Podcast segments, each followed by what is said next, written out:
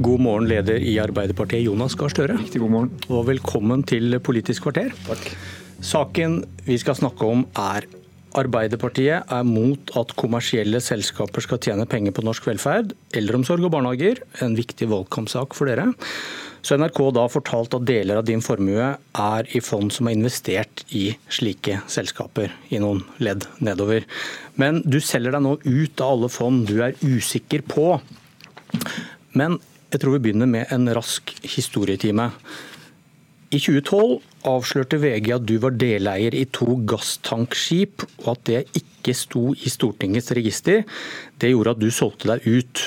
Våren 2017 Dagbladet avslører at du hadde investert i et boligprosjekt med tvilsomme forhold på arbeidsplassen. Og Det gjorde at du solgte deg ut. Høsten 2017 ble det kjent at du hadde investert i et fond som het Egerton, som ikke fulgte oljefondets etiske regelverk. De hadde investert i atomvåpen, og du solgte deg ut. Og så, akkurat nå, driver du og selger deg ut av fond som er investert i kommersielle velferdsselskaper. Hva syns du selv denne historien forteller?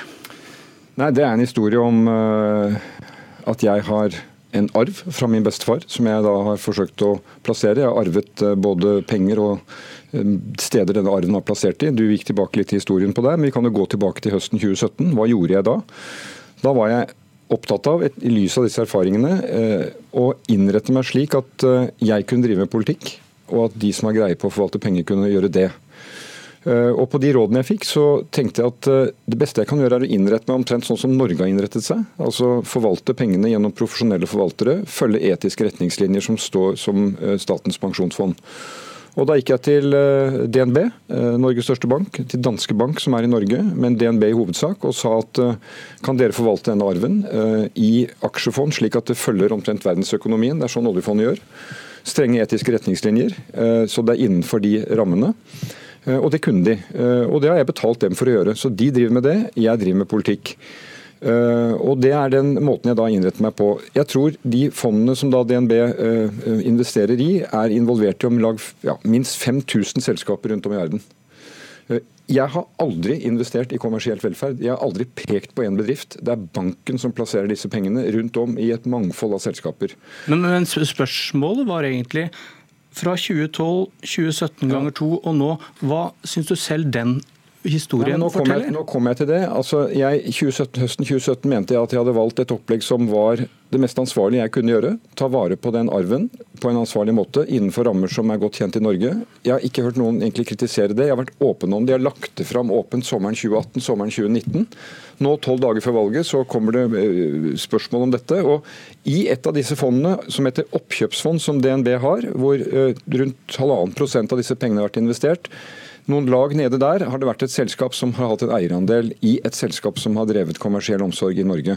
Og Da har jeg sagt at vel, det er flere måter å plassere det på. Ikke ha pengene i det fondet. Det gjør de. Og Nå har jeg bedt DNB gå gjennom alle plasseringene for å se at det feltet som vi kanskje kan snakke om også, kommersiell omsorg, hvor jeg er veldig klar på at det skal vi ikke ha i omsorgssektoren i Norge.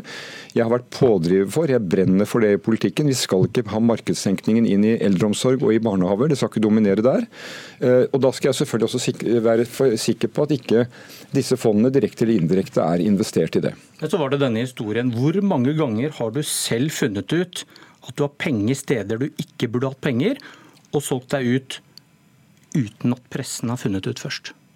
Ja, Det har vært noen ganger, men ingen av de tingene som pressen har pekt på, har handlet om at jeg har brutt noe lov, vært på utsiden av noe som er eh, det det er rimelig og lovlig å gjøre. Men, men du, du, sa noen ganger, Fortell om de gangene du selv har funnet ut og solgt deg ut at uh, dette kan jeg ikke Nei, ha jeg, penger i. Men jeg har jo gått i retning av å samle dette et sted. Uh, jeg arvet et fond fra mine uh, besteforeldre. foreldre. Det har jeg jo da etter hvert sagt at det fondet som store norske selskaper har investert pensjonspengene sine i, vel, det ikke et, har ikke norsk forvalter.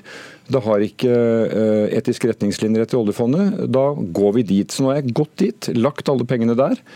Og så tror dette, bare... dette, kommer som følge av at det ringer en journalist til deg og sier du hører her hva vi har, ja, har funnet, funnet, ut. Ja, det, er ikke, det, er ikke, du selv og din egen eh, overvåkenhet som Nei, men altså, jeg, jeg tror jeg skal være ærlig på det. Altså Fra 2017 så har jeg da innrettet meg slik. Jeg tror i framtiden det kan komme en journalist som sier at de har funnet et selskap som eier del i et selskap som driver med ting ikke jeg liker.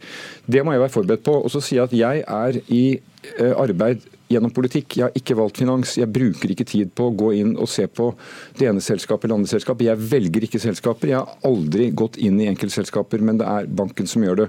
Men kommer jeg over noe som da, eller andre kommer til meg med noe som jeg mener eh, er utafor, og som ikke kan bekjempe med politikk, vel, da er det jo greit å si at da får vi eh, gå ut av det. Men som sagt, det er banken som har ansvar for dette daglig. Det er halvannen million nordmenn har sparepengene sine i aksjefond. DNB har halvparten av dem, og jeg stoler på at de gjør, gjør den jobben på en ordentlig måte.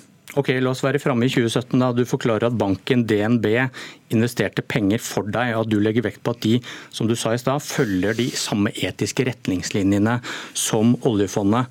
Og Du kjenner disse retningslinjene godt, man kan printe dem ut på et A4-ark. Hva sier de om investeringer i kommersielle selskap som kan tjene penger på velferd? De sier ingenting. Hva burde det fortalt deg? Nei, altså Det burde fortalt meg at det er selskaper som driver med ting der ute som jeg kan være kritisk til. Det er lovlig. Eh, la meg ta et annet eksempel. Eh, de som driver med vikarbyråer. Det er vi veldig skeptiske til at det skal komme inn og erstatte hele faste stillinger. Vi er ikke mot vikarer eh, for å ta unna topper, men vi vil regulere gjennom politikk hvordan det skjer. Jeg er sikker på at mange av disse selskapene har investert i den type selskaper. Men det betyr ikke at Da må du vel logisk selge deg ut av de også, nei, da? Fordi enten så er det ikke et problem Ellers er det et problem, og du selger den ut. Nei, men Jeg mener ikke at det er et problem som betyr at man da må selge seg ut. Det skal vi jobbe med gjennom politikk. La meg nevne et annet eksempel. Jeg tror alle sparefond er investert i ledende teknologiaksjer. Facebook, Amazon, Google. Vi er kritiske til at ikke de betaler skatt som de bør i alle land, at noen av dem behandler fagforeninger på dårlige måter. Men de fondene er ment å følge verdensøkonomien, eh, og der er disse teknologiaksjene drivende. Så vil jeg jobbe gjennom lovgivning i Norge, gjennom Europa og internasjonalt samarbeid på at man får tvunget på plass et regelverk som gjør at de må betale skatt. Men det betyr altså ikke at det ikke er mulig å være inne i fond som investerer i den teknologidelen som det er. Men nå argumenterer du for at det går an å investere i disse selskapene som driver med ting du er imot. Men hvorfor selger du deg ut da? Fordi at kommersiell velferd i Norge, i mitt land, det er en utvikling hvor selskaper nå søker seg mot oss, fordi vi har en regjering som legger til rette for at det kan være store oppdrag. Det er stor avkastning å hente der. Eh, dette er selskaper som tenker avkastning. Eh, det er ikke gærent i mange deler av økonomien. Jeg mener det er galt her. Arbeiderpartiet har som et av sine programposter at det offentlige fellesskapet har hovedansvaret for eldreomsorgen, for barnehagene. At ideelle er inne, det mener vi er bra. Eh, men vi skal ha ordentlig offentlig kontroll på det. Og derfor så, På det feltet så tenker jeg at da er det rimelig å si, og DNB går gjennom det nå, at ikke jeg har noen av uh, mine arvepenger i selskaper som driver med det. og Det blir nå gjort.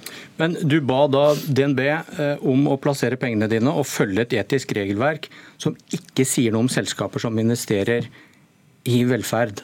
og det skjedde. Du selger deg nå ut. Hva forteller det om, om din om din jobb i 2017 som du satt nettopp og skrøt av deg, gitt disse tidligere sakene? Jeg, skryter ikke av det, jeg beskriver hvordan det er. Altså jeg, jeg kan jo godt nå se at jeg, jeg skulle ha pekt på akkurat det forholdet da og bedt dem være oppmerksom på det. Det kan jeg uh, ærlig si. Da jeg ble gjort oppmerksom på det, så handlet jeg ut fra det. Og jeg sier igjen, det kan komme uh, en dag uh, år etter eller år etter hvor det er nødvendig å gjøre det, det samme igjen. Men jeg mener at det å følge disse etiske retningslinjene til oljefondet, det sa jeg høsten 2017. Det var det jeg kom til å gjøre. Eh, jeg gikk til den mest seriøse forvalteren i Norge. Jeg har ikke fått noen kritiske spørsmål til, men har du gjort enda mer detaljert regelverk? Eh, det har jeg nå gjort på ett felt, eh, og det får jeg stå for. Har Arbeiderpartiet foreslått at det skal inn i det etiske regelverket til oljefondet et forbud mot å investere i kommersiell velferd? Nei, det har vi ikke. Uh, om den dagen kommer, vet jeg ikke. Dette er jo ikke forbudt, men norske kommuner kan velge hvordan de skal legge opp sin omsorg. Og I Arbeiderpartiet er det ganske klart at det skal være fellesskapets ansvar. Fremskrittspartiet går til valg på å sette all eldreomsorg i Oslo ut på anbud. I Austevoll kommune satte de bort hele omsorgssektoren til et internasjonalt uh, omsorgskonsern. Det er vi imot. Vi bekjemper det gjennom politikk. Og Jeg har nå sørget for at det iallfall ikke skal være noe spor, direkte eller indirekte, over at uh, min arv uh, er, ender opp der. Du er opptatt av at DNB følger dette etiske regelverket, men oljefondet kan ikke investere i fondene du har gjort, fordi risikoen er for høy? Det er feil. Oljefondet investerer ikke i unoterte aksjer. Men det har du gjort uh, ja. via disse fondene? Og ja, jeg... nettopp min første... Men Det er ikke et etisk regelverk, men det er fordi at uh... nei, nei, nei, men, nei, det var ikke poenget. Men du, du liksom skyver oljefondets etiske regelverk ja. foran deg. Men oljefondet kan ikke investere i det samme som du har gjort, fordi risikoen Risikoen er for høy. Ja, det er ikke bare risikoen, men Stortinget ønsker eh, børsnoterte selskaper fordi man skal ha innsyn. Jeg tror det er en debatt som kommer. Hvis du skal investere f.eks. For i fornybar energi i utviklingsland, så kan noe av det være unoterte aksjer. Den diskusjonen går. Men jeg mener det er riktig at folk som putter penge, sparepengene sine til investering, støtter noen av de gründerne jeg møtte borte på Vestlandet eh, i går. At det er risikovillig kapital til stede for å støtte dem i oppstartsfasen. Det har jeg ikke noe mot. Det er ikke ulovlig, og det er ikke noe oljefondet gjør fordi det ikke er lov, men fordi at det er statens fond. og de til nå bare går i det som er i, eh, på børsen og i aksjer. Skal du fortsette å ta like stor risiko, selv om det da fører til at det kan dukke opp nye, ikke... sånne, en ny journalist som ringer deg om to år? Fire Vet du hva? La meg si det sånn. Eh, Arbeiderpartiet har en leder som har en arv. Det har jeg gjort Arbeiderpartiet klar over fra starten av. Jeg har vært veldig åpen om det. Jeg forklarte høsten 2017 hvordan jeg eh, innretter meg. Jeg er forberedt på at det kommer til å ringe journalister. Hvem som tipser dem til at det skjer tolv dager før et valg, og ikke midt i sommerferien hvor jeg forteller om at jeg har fond, det skal ikke jeg spekulere i. Men det er jeg forberedt på. Men du gjorde det likevel nå? Ja, jeg gjorde det. For jeg tenker at uh, nå bruker jeg gårsdagen kveld og tiden hos deg. Jeg var uh, på valgkamp i Årdal i går, jeg skal til Kongsvinger nå. Nå skal jeg drive valgkamp for disse sakene. Men påstår du at det er en drittpakke? Såkalt? Eh, jeg ønsker ikke å sette noe karaktertrekk på det. Det får andre gjøre. Jeg bare konstaterer at eh, det er tolv dager før et valg eh, hvor spørsmålet kommer. Og jeg tror alltid det vil være mulig å stille spørsmål om et eller annet hvis du er i den situasjonen jeg er. Det må jeg ta høyde for. Innrette meg så godt jeg kan. Være åpen om det. Og jeg har altså på spørsmål vært fullt åpent, lagt fram alt. Og det har jeg tenkt å fortsette med. Mimir Kristiansson i Rødt skriver at han er glad i deg. Eh, men at en Arbeiderpartileder ikke bør være millionær. Du er Arbeiderpartileder, men hvor mange i Arbeiderpartiet tror du mener det samme som Mimir? Det er et godt spørsmål. Jeg jeg må bare si helt ærlig, jeg har aldri opplevd så mye personlig støtte og varme fra mine partifeller som jeg har kjent og ukjente dette siste døgnet. Jeg føler meg ikke spesielt utsatt. Jeg er en uh, heldig person. Jeg har verdens mest spennende jobb, og jeg har gode partifeller. Men det spørsmålet Mime Kristiansson stiller, det er et uh, greit spørsmål. De som må ta stilling til det, er Arbeiderpartiets landsmøte og mine partifeller. Jeg har brukt livet mitt på dette de siste 15 årene. Jeg brenner for de sakene det tror jeg folk som møter meg ser, og jeg har tenkt å fortsette med det denne valgkampen. Vi skal ha 356 kommuner valg, og der skal jeg stå på eh, helt inn. Eh, og så er jeg helt trygg på at Arbeiderpartiet eh, tar sine kloke valg om hvem som skal være leder og ha andre viktige posisjoner. Kommentator i, til, til, dette med den unisone støtten. da. Kommentator Aslak Eriksrud i TV 2 skriver på Twitter at han har snakket med flere av dine valgkampmedarbeidere som er ganske fortvilet over partilederen sin. Ja, at, at, de er frustrerte over at ikke vi nå kan drive og snakke om uh, politikk, men snakke om dette, det skjønner jeg. Fortvilet over deg var vel påstanden her, da? Ja, det var... Har du hørt fra noen som Nei. sier dette? Nei, jeg har ikke det. Men uh, Aslak Eriksrud får, får, stå for det. Og så sier jeg hvis det er noen som er fortvilt over meg, så har de nummeret mitt, så får de ringe. Hvor lett tror du det er for dem å ringe til deg og si det? Jeg er ja, fortvilet over deg, Jonas Gahr Støre. De får ringe til noen andre da, som de stoler på, som kan si fra om det. Uh, jeg er meg, og jeg er på, på jobb for partiet. Du, Et eh, spørsmål som ble reist i offentligheten her av eh, det var vel Kristin Clemet som skrev det. Hva slags bevis har du for at vi får mindre igjen for pengene hvis vi tillater profitt i velferden? Vi skal ha ordentlig lønnsforhold, ordentlig pensjonsforhold. Måten du kan tjene penger på i dette, i det store bildet, er gjennom å gjøre forskjell på lønn og gjøre forskjell på pensjon. Jeg vil at folk skal ha trygge jobber med en lønn de kan leve av og en trygg pensjon. De stedene hvor kommuner, som i Moss, har tatt tilbake ansvaret fra private og kommersielle. Har folk fått orden på pensjonen, orden på lønnen, da gjør de en bedre jobb. Men Hvorfor skal konkurranse fungere i andre sektorer?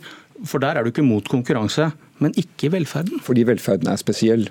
Da handler det ikke om å se hvor du kan tjene den siste kronen. Men du har ikke den samme omsorgen for pensjon og lønnsvilkår for de som ikke er i velferden? da? Nei, for der er det en annen type konkurransesituasjon i vårt marked, om det er i sportsbutikken eller om det er konkurranse om andre oppdrag. Men i omsorg så er det fellesskapets ansvar for å sørge for at ikke vi bare går mot de lette pasientene, de enkle pasientene, de vi kan tjene penger på. Men det er vel ikke vondt å få dårlige lønns- og arbeidsvilkår i det private som i offentlig velferd? Det er helt riktig, og vi skal ha et ordnet arbeidsliv og vi skal ha seriøst arbeidsliv og bekjempe sosial dumping. Se på de Arbeiderpartikommunene som har gjort det. Der blir det også resultater. Men det er et fundamentalt spørsmål i vår tid. Skal omsorgssektoren åpnes for markedstenkning? Skal det være mulig å komme inn der, skumme ut penger, ta penger ut som du og jeg har betalt i skatt for å ta vare på våre eldre, kunne ta ut i, i, i store overskudd? Jeg mener svaret er nei, og det er et politisk spørsmål. Jeg må stoppe deg. Løp ut i valgkampen og fortell om dette fra talerstoler. Takk, Jonas Gahr Støre. Dette var Politisk kvarter. Jeg heter Bjørn Myklebust. Nå fortsetter Nyhetsmorgen.